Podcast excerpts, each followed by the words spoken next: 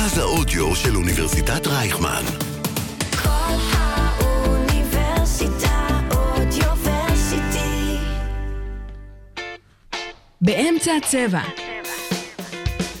מדברים כדורסל עם נמרוד כהנוב וחברים. שלום לכולם, בוקר טוב, מה שלומכם? ברוכים הבאים לעוד פרק של אה, באמצע הצבע, פודקאסט הכדורסל של כל האוניברסיטה, מרכז ההודו של אוניברסיטת רייכמן. אז אה, מה בישלנו לכם היום? אנחנו הולכים לדבר על שני המשחקים של מכבי תל אביב בסדרה מול מונקו לקראת משחק חמש. נדבר על הפועל ירושלים, מה קורה שם בליגה, אה, וקצת הכנה לקראת חצי הגמר מול טנריפה. נדבר על אה, שאר סדרות היורוליג, הזוכה ביורו-קאפ והמשמעות של הזכייה. נדבר ב-NBA על פילי נגד בוסטון והפיטורים הטריים של מייק בודנולצר במילווקי, וכמובן נסיים במשחקון. תישארו איתנו, אנחנו מתחילים.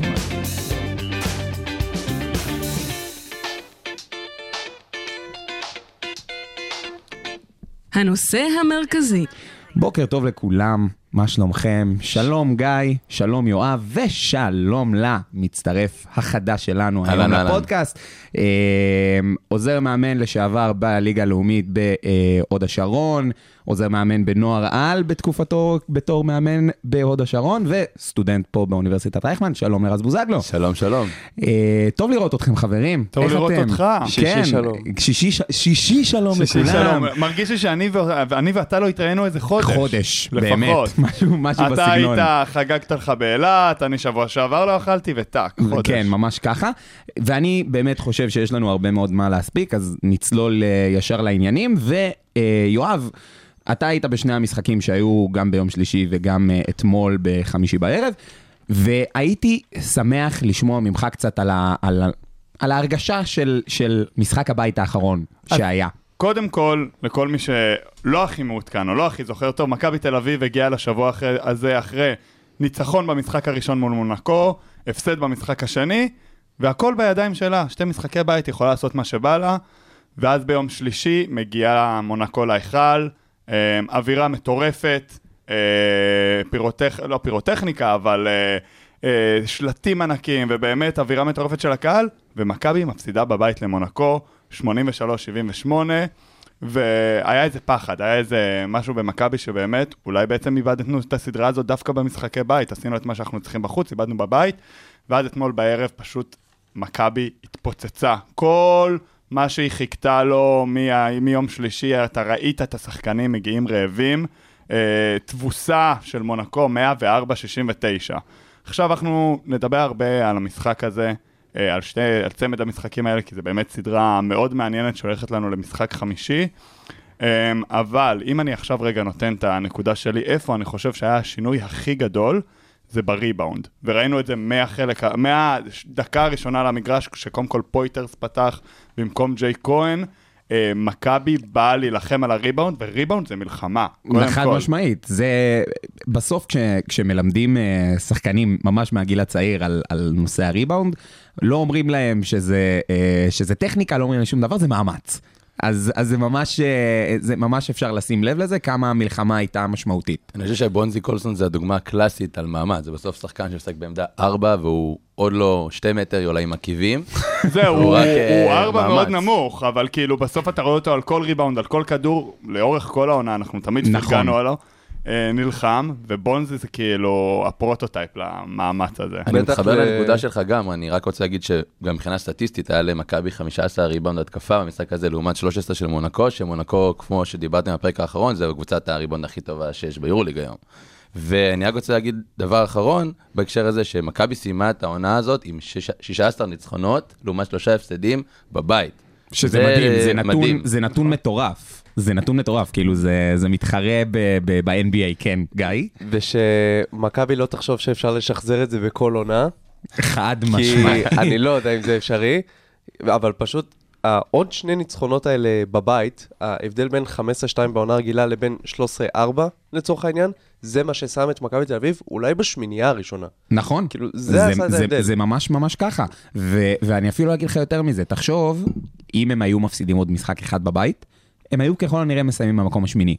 אגב, נכון. סיכוי, סיכוי מאוד מאוד גבוה כן, שהם יסיימו במקום שמיני, סיכ- ו- ואחלה, מה שנקרא, דייט עם אולימפיאקוס ב... בוא נגיד בעולם ככה, השלום והאחווה. כנראה הם לא היו מגיעים למשחק חמישי. אני, אני ממש ממש מסכים איתך. ובאמת, אם אנחנו נוגעים ב- במשחק הזה שהיה אתמול, למעט הריבאונד התקפה, אתם חושבים שהיו עוד איזה שהם נקודות שהן היו משמעותיות בהבדל שלהם מול המשחק השלישי לרביעי? אחרי המשחקים הראשונים דיברנו על זה שמכבי תל אביב צריכה את השחקנים מהגל השני, אלה שבאים אחרי בראון ובולדווין, ואז במשחק השלישי קיבלנו את התופעה ההפוכה. קולסון הגיע בשיאו, אבל אה, בראון ובולדווין אה, לא באמת אה, היו בעניינים. עכשיו זה, זה בסופו של דבר מה שעשה את ההבדל מהמשחק ביום שלישי למשחק אתמול. לורנזו בראון ביום שלישי סיים עם 12 נקודות, הוא הגיע לכמות הזאת אתמול כבר ברבע השני. בולדווין הגיע ככה, גירד את ה-16 נקודות ביום שלישי, עם ככה קצת נקודות בגרביץ' 2, אתמול הוא הגיע לזה כבר באמצע רבע שלישי. בסופו של דבר אלה שני השחקנים שצריכים אה, להוביל את מכבי תל אביב בתפוקה, בייצור נקודות, וזה מה שקרה אתמול וזה מה שהוביל את הריצה. עכשיו, מעבר, דיברת על הגל השני של השחקנים, החמישייה השנייה. דווקא אתמול זה היה נראה שקטש בוחר קצת לצמצם את הרוטציה שלו. רץ עם השחקנים שנראים טוב, הוא אתמול ניהל את המשחק מעולה, ואני אוהב לקטוש את קטש כשצריך. אמ, אבל הוא ניהל את המשחק מצוין אתמול. אתה ראית שסורקין קיבל פחות דקות, אמ, מרטין שנכנס גם לבעיית עבירות וגם מתחילת הסדרה. שלוש ואפילו- עבירות, שלוש עבירות ב- ב- בחמש דקות, בדיוק. זה היה בלתי נסבל. זה היה בלתי נסבל. ו- הרעש של הקהל שהוא עלה, שהוא החליף את ג'יי כהן, אמרו לי שהיה שם לא היה נורא. שם לא. אל תעלה אותו! היה לא נורמלי. אל תעלו אותו! כאילו, אנשים מאחוריי, הקללות שהם נתנו למרטין אחרי תחילת הסדרה, ויש לנו אפילו גם, אולי מתישהו נצלול ונגיד רגע על הכלייה של מרטין, האם הוא באמת קלעי, או שזה היה אה, לאורך כל העונה עיוות סטטיסטי, הזריקות שלו? צ- אה, קטוש צמצם את הרוטציה, נתן הרבה יותר דקות לשחקנים שבכושר ושמובילים, אה, ולדעתי זה מה שהוביל את הניצחון. אפרופו עמדה 4 שלא הייתה ממש קיימת התקפית במכבי תל אביב בסדרה על הזאת, איזה עמדה אתה מדבר? עמדה 4. אה, אוקיי, סליחה. כן, כן, כן, היא כן. קיימת. היא לא, לדעתי לא קיימת התקפית אצל מכבי שנים. אה, לא יודע אם שנים, אבל ספציפית השנה היא לא קיימת. בט- בטח בסדרה הזאת. עכשיו, אנחנו ראינו במשחק השלישי שג'יי כהן פותח בחמישייה, משחק חמש דקות, יורד וזהו. ולא חוזר. נכון. יכול להיות שקטש תכנן לעשות את זה גם אתמול, כשהוא עלה עם מרטין אה, בחמישייה, אבל בסופו של דבר, אנחנו לא יודעים, כן? אבל בגלל השלוש עבירות האלה של מרטין, הוא נאלץ כביכול, במרכאות אני מסמן פה, אתם לא יכולים לראות, במרכאות נאלץ להשתמש אה, בג'יי כהן, ודווקא אלה הדקות שבאה בהן הריצה של ה-20-0, הוא אה, שם שם שתי שלשות, ומונקו לא הייתה יכולה יותר אה, לחפף בהגנה עם עמדה 4. אני אגע בזה גם בפן המקצועי, מה שמעניין זה ששתי הקבוצות הולכות ב...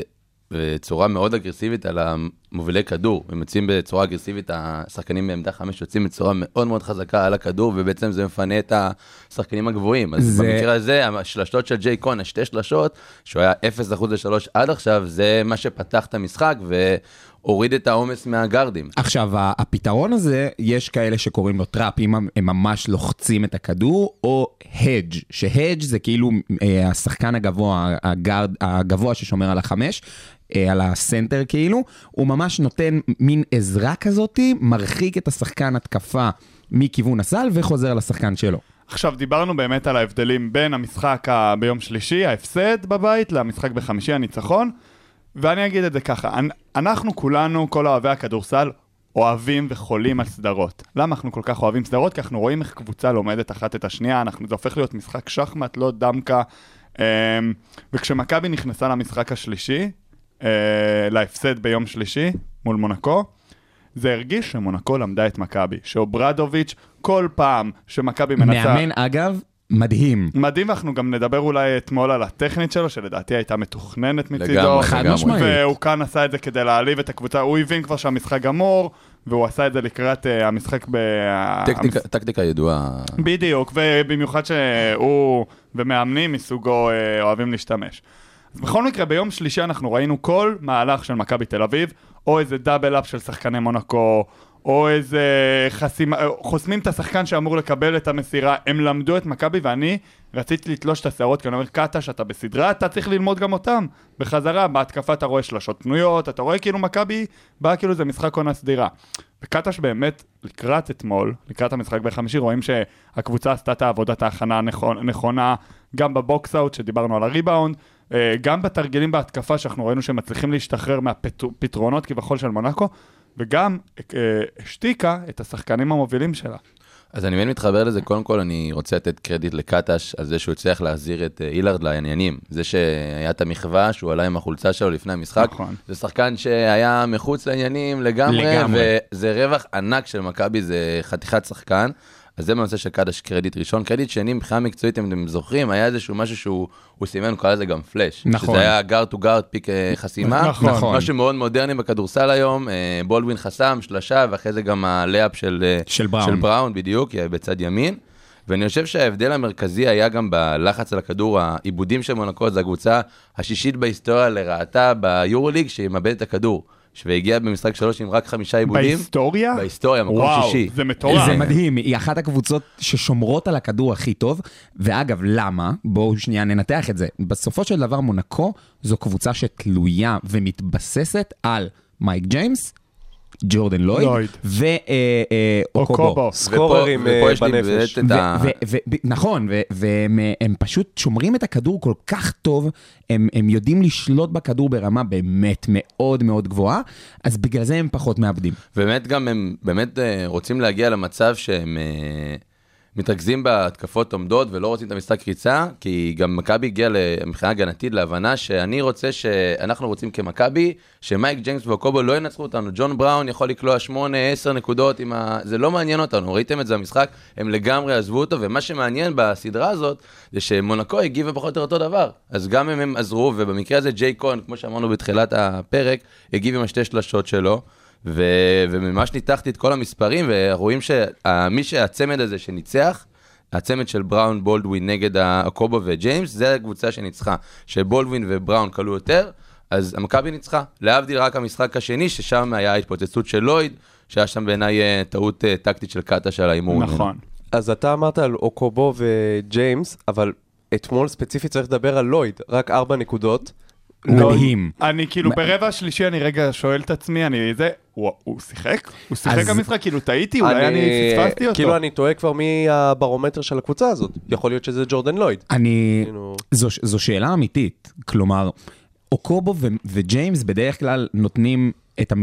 כמו שאתה אמרת ש, שבראון ובולדווין אה, גירדו את, את, לא אגיד את הממוצע, אבל קרוב לממוצע שלהם, כנ"ל אתמול אה, אוקובו ו- וג'יימס. כלומר, הם כן היו מן הסתם מתחת לממוצע שלהם. אוקובו כל הסדרה לא מככב. כן, אבל כולנו יודעים שברגע שהוא מתפוצץ, הוא מתפוצץ, ו- נכון. וזה בלתי ניתן לעצור אותו. אמ, אבל אני, אני שם לב כמה מכבי אתמול החליטה ש... שהם כאילו שמים את כל תשומת הלב שלהם על לויד, שהוא לא יתחמם, כי הוא, אה, קוראים לזה microwave, הוא, הוא ממש אה, אמיתי, ב-NBA יש לזה ממש הגדרה. microwave, שנגיד ג'ורדן פול, שהוא דוגמה קלאסית לדבר הזה, שאם הוא מתחמם, נגמר לך הסיפור. הם החליטו אתמול, הוא לא עושה את זה, זה ממש שמו, ממש ממש ממש היה ניתן לראות כמה מכבי שמים עליו דגש בהגנה. אני זוכר את המונח הזה מה-2K, שהייתי במשחק ב MyPlayer, תמיד היה לי את ה microwave, אז אה, שם אני מכיר את זה. ו, ועוד דבר שאגב, היה מאוד כיף לראות אתמול, זה שפויטרס חזר, סוף סוף נתן משחק טוב אחרי הפציעה.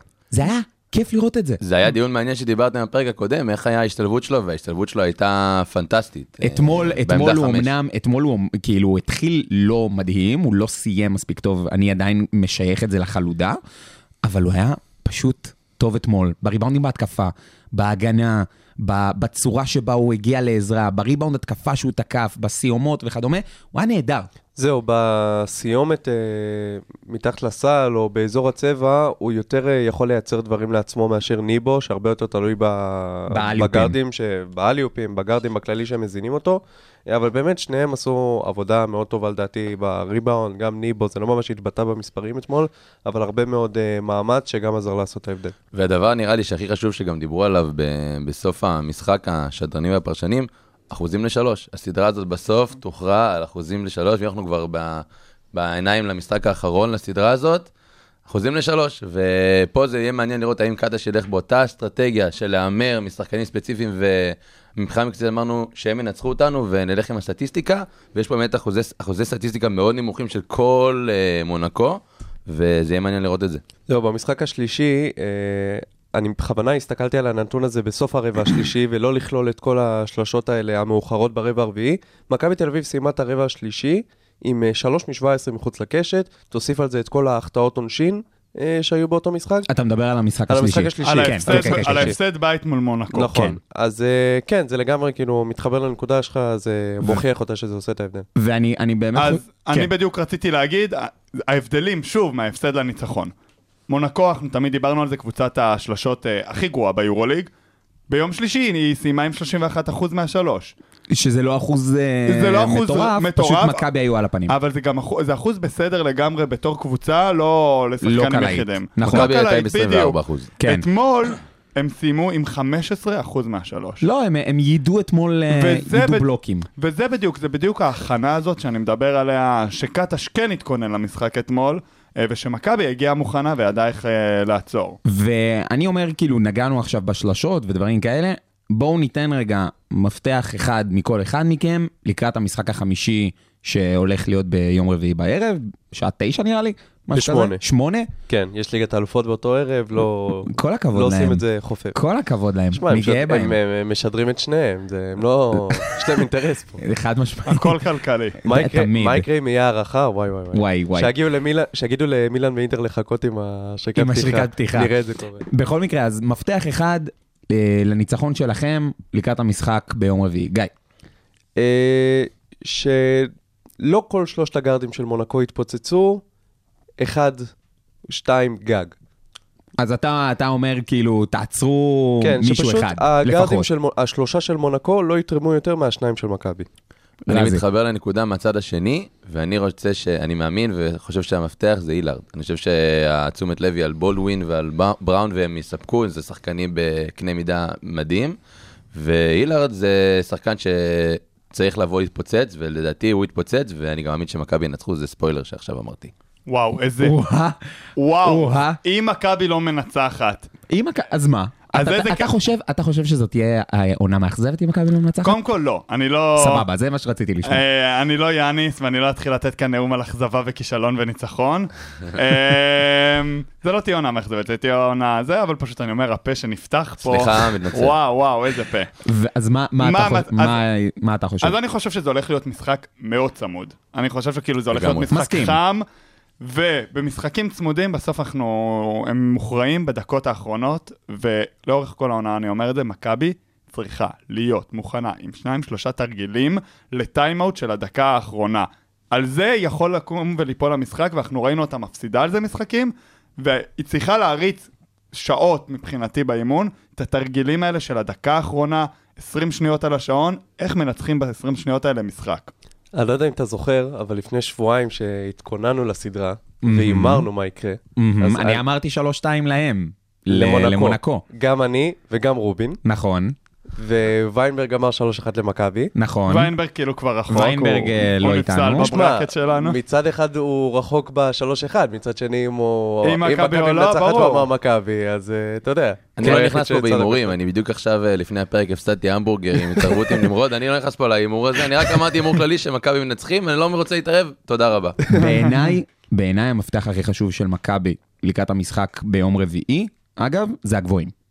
זה. זה, זה, זה הדרך שלהם להפעיל את ניבו, את פויטרס אה, ואת ג'יי כהן, כי זה, כי זה בסופו של דבר מה שגרם להם להתחיל את הריצה. כי, כי ברגע שהם תקפו את בראון ואת אה, בולדווין, ב pick and roll ים במשחק השלישי, העמדה מספר 4, העמדה מספר 5, לא הצליחו לייצר שום דבר.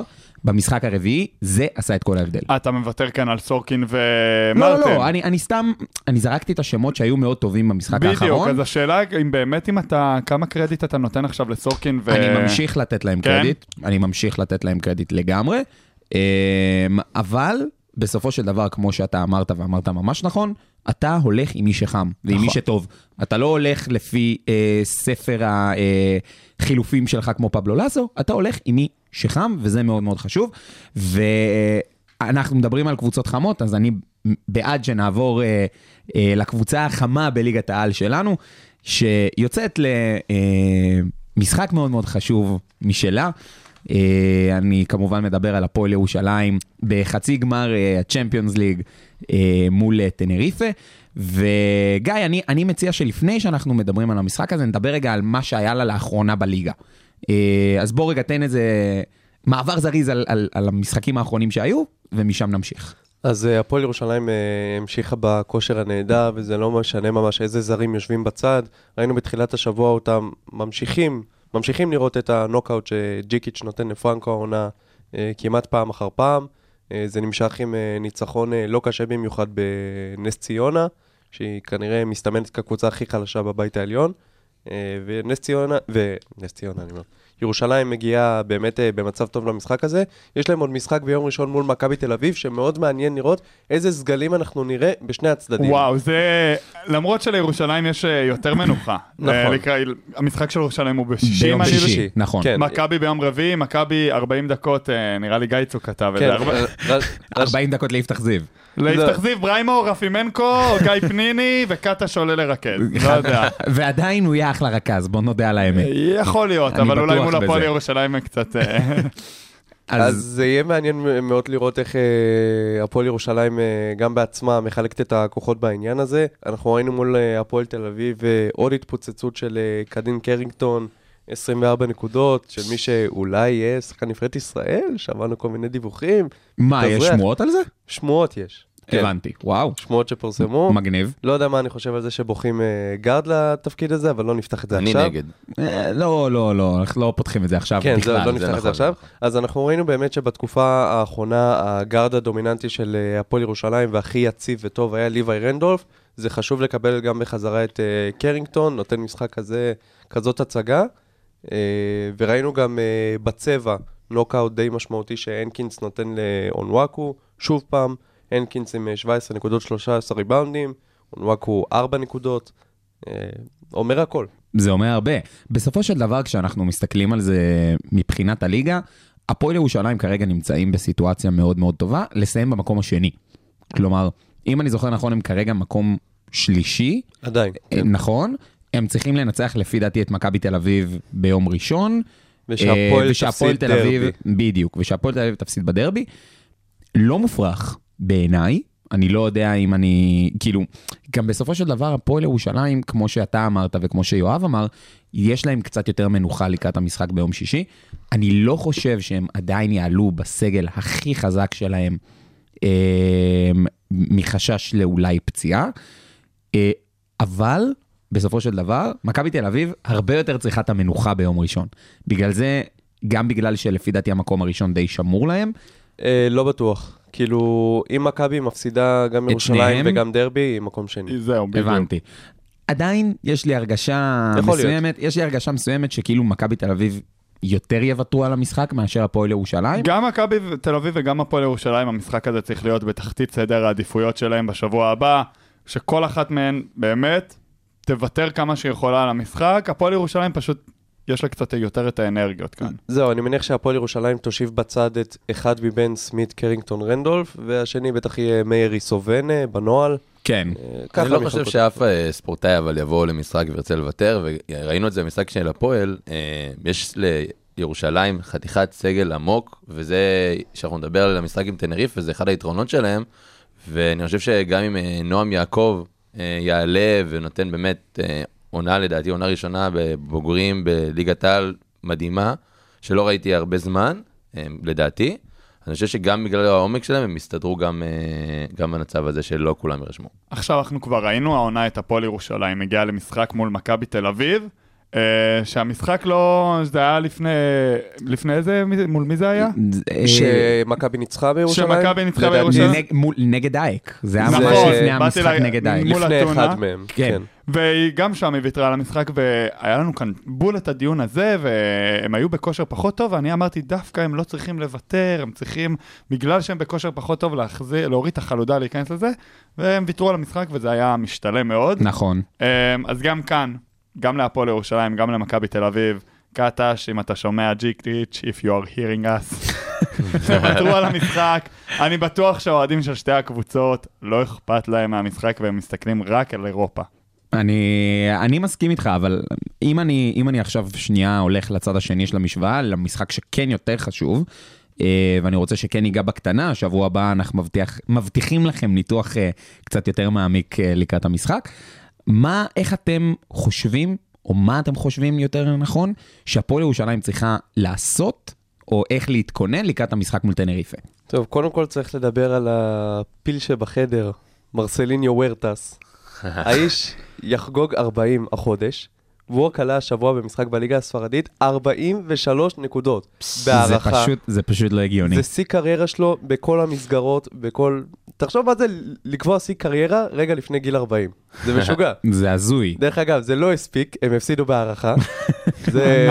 זה הכי מתסכל פה. דרך אגב, עוד קוריוז שמצאתי, אה, הוא היה רחוק חמש נקודות משבירת אה, שיא הנקודות לשחקן בליגה הספרדית במאה ה-21, שמי קבע אותו? סילבן לנצברג.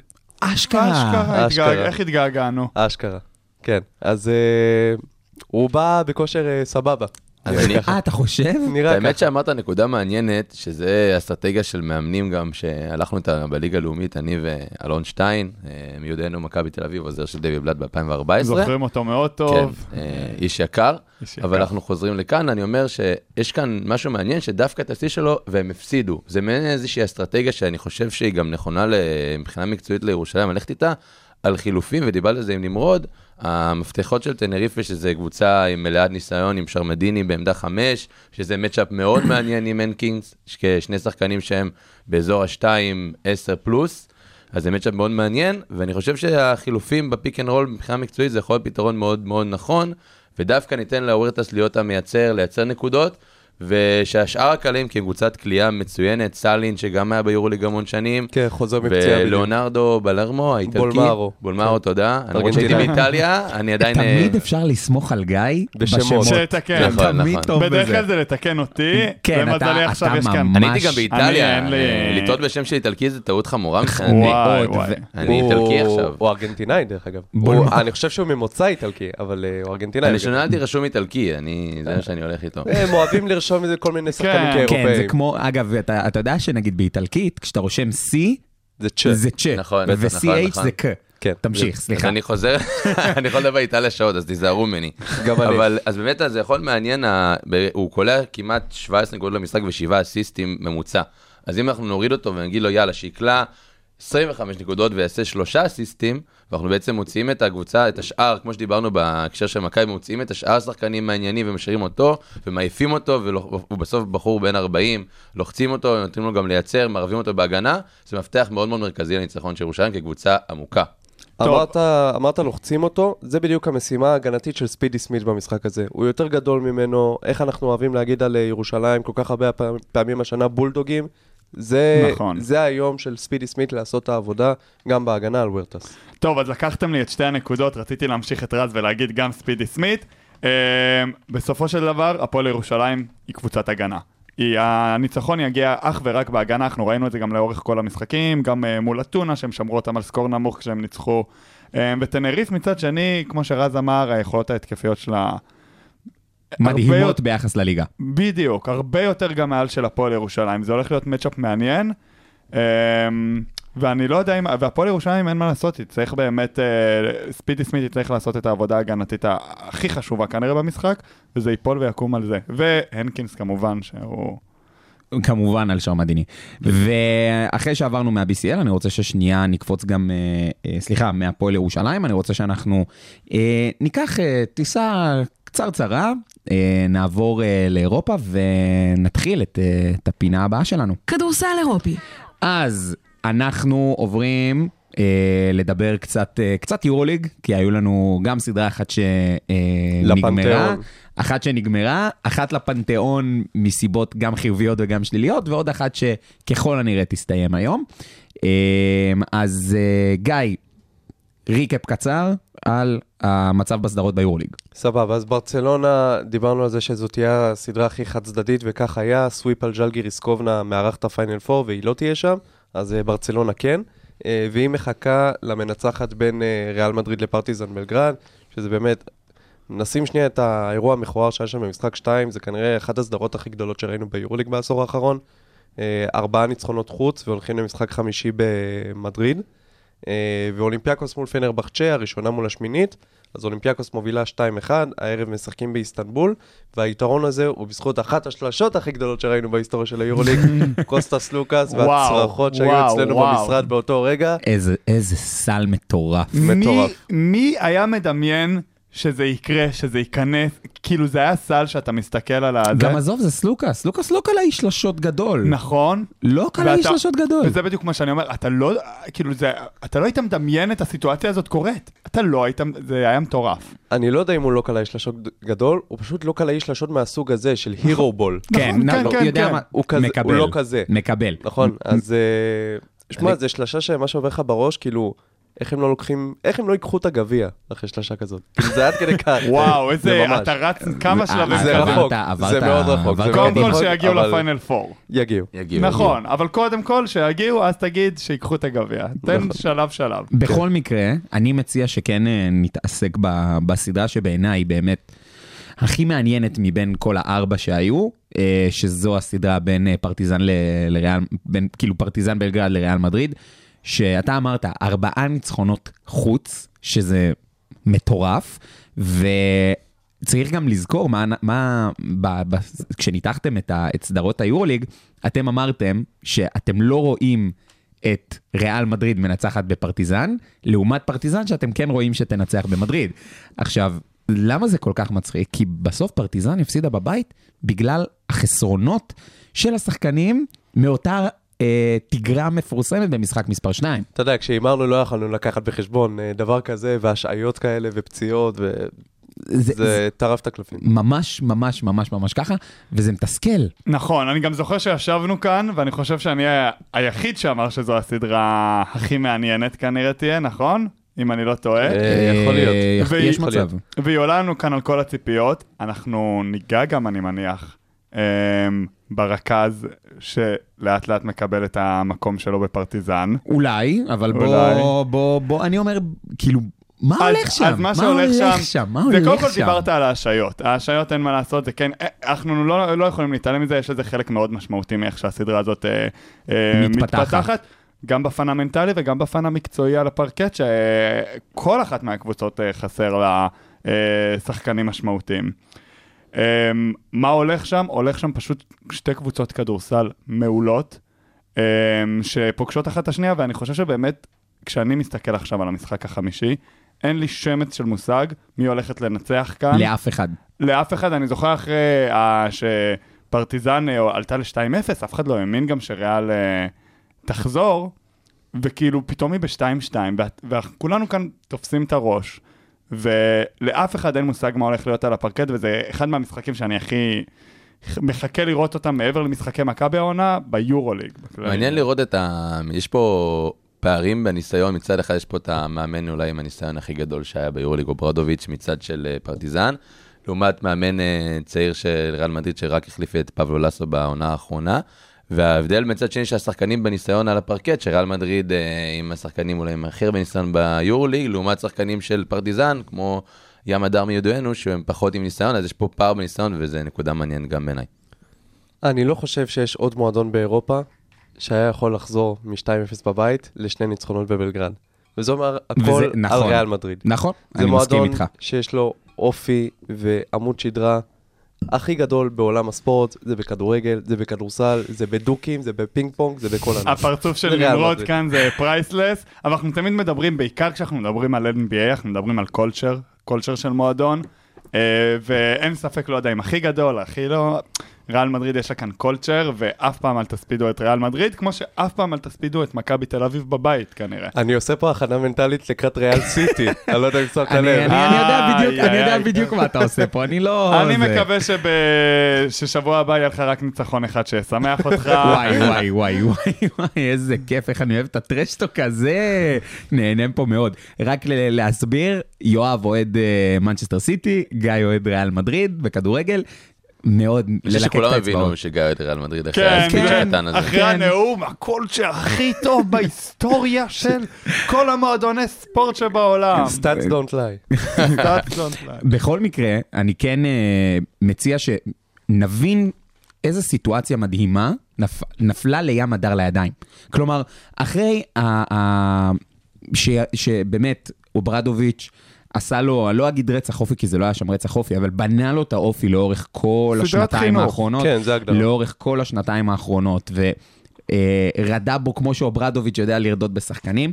הוא מגיע למשחק שלוש, מגיע למשחק ארבע, ופשוט נותן עבודה מדהימה. אני חושב שהרבה מאוד קבוצות עכשיו אה, התעניינו בו לקראת אה, השנה הבאה, כי הוא מוכיח מעל כל צל של ספק, קודם כל שהוא לא בור הגנתי, שזה היה משהו שדיברו עליו לפני השנתיים האלה, וחוץ מזה, הוא, הוא מוכיח את עצמו גם בצד התקפי כמה הוא התבגר, שהוא נהיה הרבה יותר רכז מאשר רק סקורר עם הכדור. אני חושב ים הדר זה ילד גם שבא מבית דגן. הוא לא, הוא תמיד בא כאנדרדוג, והוא תמיד בא להילחם, והוא בא לעבוד ולעבוד קשה. אז אני חושב שהוא עבד פה, כמו שעשה כל הדרך שלו בהפועל תל אביב, הוא בא לעבוד קשה, ו... והוא בא ללמוד, והוא באמת אה, בא עם הכלים הנכונים כשחקן ל- להצליח. אז אני חושב שקודם כל הקרדיט מגיע לו, והוא היה סבלני, והסבלנות פה היא הדבר החשוב ביותר. אתמול ברגע האחרון, בדקות האחרונות, הוא עם שתי פעולות מהירות החיה משחק שהיה גמור. נכון? זה, בסוף זה לא תורגם בוא רגע לניצחון. תספר ל- למאזיננו שלא ראו את המשחק, אז פחות או יותר. היה, לדעתי, דקה וחצי בסוף, היה לדעתי חמש הפרש לריאל מדריד. אה, ים מדר אה, חטף כדור על קו האמצע, אה, layup קל, שלוש הפרש. בא inbound, ים מדר לוחץ ממש על הקו שם, מצליח לחטוף את הכדור, אני לא זוכר למי זה היה, עם איזושהי נגיעה מקרית כזה, מקרית כזאת, מכניס את הכדור לסל, ופתאום ההפרש ירד לנקודה. אה, זה לא הספיק, בסופו של דבר, כי ריאל מדריד אה, אה, התעלתה התעלתה ב clutch. ב money time. ודרך אגב, מי שעשה את הפעולה המכריעה של ריאל בסוף זה זה טווארס. נכון, זה טווארס. ראיתי את השלב הזה במשחק. זה קטע, אתה יודע, בדרך כלל כשאנחנו חושבים על שחקנים שהם קלאץ', אנחנו לא חושבים על סנטרים שהם בלי קליעה. נכון. בסופו של דבר זה היה מהלך קלאץ'. נכון? אין איך להגיד את זה אחרת. לחלוטין. אז באמת, ים הדר עשה הבדל מאוד חשוב אתמול, וצריך להגיד לקראת המשחק החמישי, שאתמול גבריאל דק נפצע. אה, ויצא על קביים, ואנחנו לא יודעים מה, איתו ב... מה יהיה איתו לקראת משחק חמש, אז זה עוד קצת מדלל את הרוטציה, שגם ככה די דלילה בלי יבוסלה, בטח בפורוורד. כן, ואני מציע גם שנעבור לדבר על הקבוצה הספרדית שנתנה בראש ביורו-קאפ, ואנחנו כמובן מדברים על אה, גרן קנריה, שזכו אה, במפעל השני בחשיבותו באירופה, ושנה הבאה ישחקו ביורוליג. קבוצתו של יאקה לקוביץ', איזה שם נשכח, אה, שאומנם הזכרנו אותו בפרק הקודם שמגיע להם, ואני הבנתי שהיה שם איזשהו סיפור מאוד מאוד מוזר עם המאמן של הקבוצה הטורקית דווקא, משהו עם הנהג מונית או נהג האוטובוס, אתה, כאילו, מה, מה, מה בדיוק קרה שם? כן, כן, אז אה, המאמן של טורק טלקום, קוראים לו ארדם ג'אן, אה, חלקכם אולי זוכרים אותו כפרצוף שישב ליד ז'ליקו אוברדוביץ' כעוזר המאמן בפנר. אוקיי. הוא היה, שמע, יש לו פרצוף כזה טורקי, זה הכי כאילו, זה לא יוצא מהראש הדבר הזה. בקיצור, הם היו באוטובוס אה, בגרן קנריה, נוסעים, לא יודע, מאימון למשחק או משהו כזה, וארדם ג'אן ישב בכיסא קדמי ליד הנהג, וממה שהבנתי מהפרטים, שהנהג שם אה, מוזיקה בפוליום נורא גבוה, וכל הזמן ביקשו ממנו להנמיך ולהנמיך ולהנמיך. ובאיזשהו שלב המאמן קם אליו, והנהג דפק ברקס, והמאמן התנגש ב... אה, בשמשה. בשמשה הקדמית של האוטובוס וסדק אותה. וואו. הוא, זה כאילו... זה מטורף. זה מטורף. פינו אותו לבית חולים, אה, איכשהו הוא כן בסופו של דבר הגיע למשחק, הוא עושה את המשחק הכי חשוב של החיים שלו עם חבישה על הצוואר. כאילו זה סיטואציה הזויה. הזויה, לא נורמלית. כאילו, זה באמת אה, משוגע, בסופו של דבר זה לא הספיק, אבל אנחנו יודעים איך זה קבוצות ספרדיות בחוץ ומשחקים אירופיים. זה לא תקף רק ביורוליג, זה גם במפעלים הפחות חזקים. אגב, אני ראיתי כזה בטוויטר קצת אחרי זה, כל מיני אוהדים טורקים שמתלוננים על השיפוט וזה, שיפוט ביתי, עניינים. ראיתי מישהו שרשם, מי שלא ירצה את ארדם אה, את ארדם ג'אן ביורוליג כמאמן של טורק טלקום, יקבל אותו כמאמן של אנדולו אפס. עכשיו, אנחנו יודעים זה שה... מעניין מעניין. מאוד. אנחנו יודעים שהמשרה שם אה, זה מתפנה. וזה שם בעלייה, והוא טורקי, ואני מאוד לא אופתע וואלה, אם זה יקרה. מעניין, קצת נכון. מצחיק שהטורקים מתלוננים על שיפוט ביורו- ביורו-קאפ, אה, במפעל בת של היורוליג. נכון, יש בזה משהו. אני לא יודע כמה יש להם case. אני, תשמע, אבל אני, אני חושב שקודם כל מגיע לגן קנריה. נכון. אייג'י כאילו- סלוטר אה, הבלתי נגמר. הוא בלתי מי נגמר. יודענו מנבחרת פולין. בדיוק. פולני אמיתי. כן. פה, כן. מה, אתם לא שמים לב בשם שלו שהוא פולני גם סקוטי? ווילביקין אה, טורקי אמיתי. חד משמעית, כן. מה זאת אומרת? ומיגל לא- ויטור ישראלי אמיתי. רגע, לא רציתי לדבר על אה, קרינגטון בישראל, אז בואו לא נדבר גם על אחרים, אנחנו מעבירים את הנושא הזה. כן, כן. תשמע, AJ זה כמו יז'י. אצל בדיוק, הפולנים, זה אותו חד. משמעית, חד משמעית. עלית על זה. אז חברים, אני מציע שאנחנו אה, נעבור מפינתנו באירופה, ניקח אה, טיסה לצד המזרחי של ה-NBA ונעבור לפינתנו הבאה. כדורסל מעבר לים. אז אה, יואב, היה, יש בעצם סדרה חיה ובועטת בצד המזרחי של, אה, של ה-NBA. אנחנו כמובן מדברים על הסדרה בין אה, פילדלפיה 76ers לבוסטון סלטיקס. אה, סדרה שהתפצלו ניצחונותיה בשני המשחקים הראשונים. אנחנו לפני משחק שלוש. בוא ספר לי רגע מה אתה ראית שם. אז קודם כל, אנחנו מדברים כנראה על הסדרה אה, הכי מעניינת שיכולה לצאת כבר מהמזרח הזה אחרי שמילווקי אה, עפה. אה, בוסטון, קבוצה שלאורך העונה כולנו דיברנו עליה כקונטנדרית לאליפות, לא רק כאן למזרח. אה, מול פילדלפיה, שעונה אחרי עונה אנחנו רואים אותה מפקששת בפלייאוף, הרבה פעמים זה על אשמת השחקן אה, אמ- אמביד, שכל פעם אנחנו, "וו- וואו, איזה מטורף הוא, MVP העונה. אה, ואז בפלייאוף הוא בא ואתה כאילו, זה לא האמביד שאנחנו מצפים ממנו. ו- וגם בסדרה הזאת אנחנו ראינו את זה קורה. משחק ראשון, משחק בית, לבוסטון יש את הביתיות, אה, אמביד לא משחק אה, מפציעה, ו... ג'יימס הרדן נותן תצוגה, משחק תצוגה. הצגה על. משחק של, על. שכאילו אתה תופס את הראש ואתה אומר, זה, זה ג'יימס הרדן של עונת ה-MVP, זה ג'יימס אמת. ארדן של יוסטון. של יוסטון בדיוק, תצוגה מטורפת. ופילי לוקחת חזרה את, ה, את הביתיות, מקבלת את הביתיות, מנצחת במשחק הראשון מול בוסטון. אה, אני אישית יכול, גם בפורומים של בוסטון בחו"ל וזה, הרבה התחילו אה, לתהות מה יקרה, האם מאזולה לא באמת מתאים אה, לרמות האלה של פלייאוף. ואז משחק שני, אמביד חוזר, משחק 27 דקות, 15 נקודות, חמישה בלוקים ושלוש ריבאונדים. אה, ופילי, לא, אני לא יודע אם להגיד את המילה מובסת, אבל אה, 121-87 זה קשה. כן, התוצאה אבל פחות חשובה כבר בדיוק, אבל פילי כאן. מפסידה, אה, ואנחנו מגיעים כאן עכשיו למשחק שלוש ש- שיקרה היום בלילה, אה, שהולך בעצם להכריע לדעתי את איך הסדרה תיראה הלאה. אם בוסטון מנצחת, אני רואה אותה אפילו ממשיכה למשחק ארבע מנצחת ועושה את זה אה, את זה אני לא יודע, אבל ארבע אחד.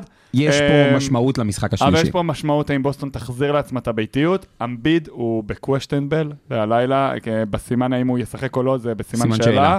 אה, וזה מעניין לראות אם הוא ישחק, איך הוא ישחק, והאם הוא יצליח סוף סוף להביא את עצמו, בסדרה הזאת הוא חייב לעצמי, להביא את עצמו לפלייאוף, כי ארדן לבד לא יכול. אני מתחבר, אני א', גם חושב שזה ייגמר 4-1, אבל אני כל הזמן שולף פה ספוילרים, אבל אה, לא כן. משנה. אבל מה שרציתי רק לומר, באמת אה, ההבדל בעומק של הקבוצה של בוסטון, עם ההחתמה בקיץ של בוגדון, שנועדה לרגעים הללו, 23 נקודות עליי במשחק האחרון, 20 נקודות לפני זה, וזה ה-game changer, כי ג'יימס ארדן לא יקלע כל משחק 45 נקודות. אה, זה לא יקרה גם עם הגיל שלו וגם עם המצב. ואני באמת חושב שההבדל פה בספסל והעומק של בוסטון יכריע גם עם, אה, למרות הניצחון המפתיע מאוד. אה, זה באמת אה, מאוד משמעותי, כי אנחנו ראינו לצורך העניין בשנה שעברה בגמר כל מיני דקות בודדות של אה, פייתון פריצ'ארד וגולדן סטייט הייתה חוגגת על בוסטון בדקות האלה, אז עכשיו זה לא יהיה פייתון פריצ'ארד, זה יהיה ברוקדון, ושיהיה בהצלחה לכולם. כאילו הם מאוד, עשו עבודה מאוד טובה של עיבוי הסגל, יש להם גם דריק ווייט, גם מרקוס סמארט, ובלי קשר ההתמודדויות בצבע של אמביד, יש באמת אתגר להתמודד גם מול הורפורד וגם מול רוברט וויליאמס.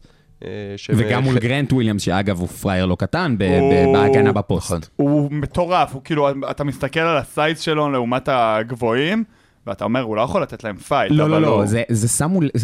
תשמע, אם היית אומר את זה בשנייה הראשונה, בפעם הראשונה שהוא עלה על הפרקט, זה היה מפתיע. לאורך שנים גרנט נכון, וויליאמס מוכיח את עצמו ב- ב- בצורה מדהימה בהגנה שלו, בהגנה על גבוהים. זה. כאילו עכשיו- בונזי קולסון גדול כזה. זה בדיוק, בונסי כזה. קולסון זה של ממש ה-NBA, ככה. זה אח שלו וואי, הגדול. איזה- זה ממש ככה. מרקוס- זה ממש ככה. מרקוס סמארט זה קצת ג'ון די, אפשר לעשות את ההשוואה הזאת? ג'ון די היה ג'ון מת. די יותר חמוד. זהו, זהו. אחלה מת. ג'ון די. מרקוס סמארט, ילד חרא בקטע הכי טוב של. זה. עכשיו אנחנו דיברנו גם על העיבוי סגל של בוסטון ואיזה עמוקאי.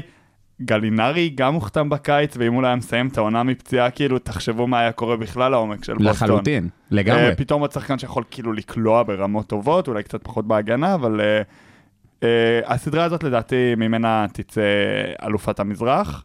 אני, אה, אני, אני מסכים איתך, אבל בסופו של דבר אנחנו כולנו יכולים להסכים שהדבר הכי משמעותי בסדרה הזו זה לא הכושר לא של טייטום, לא של בראון ולא של ארדן, אלא בסופו של דבר הפציעה של אמביד.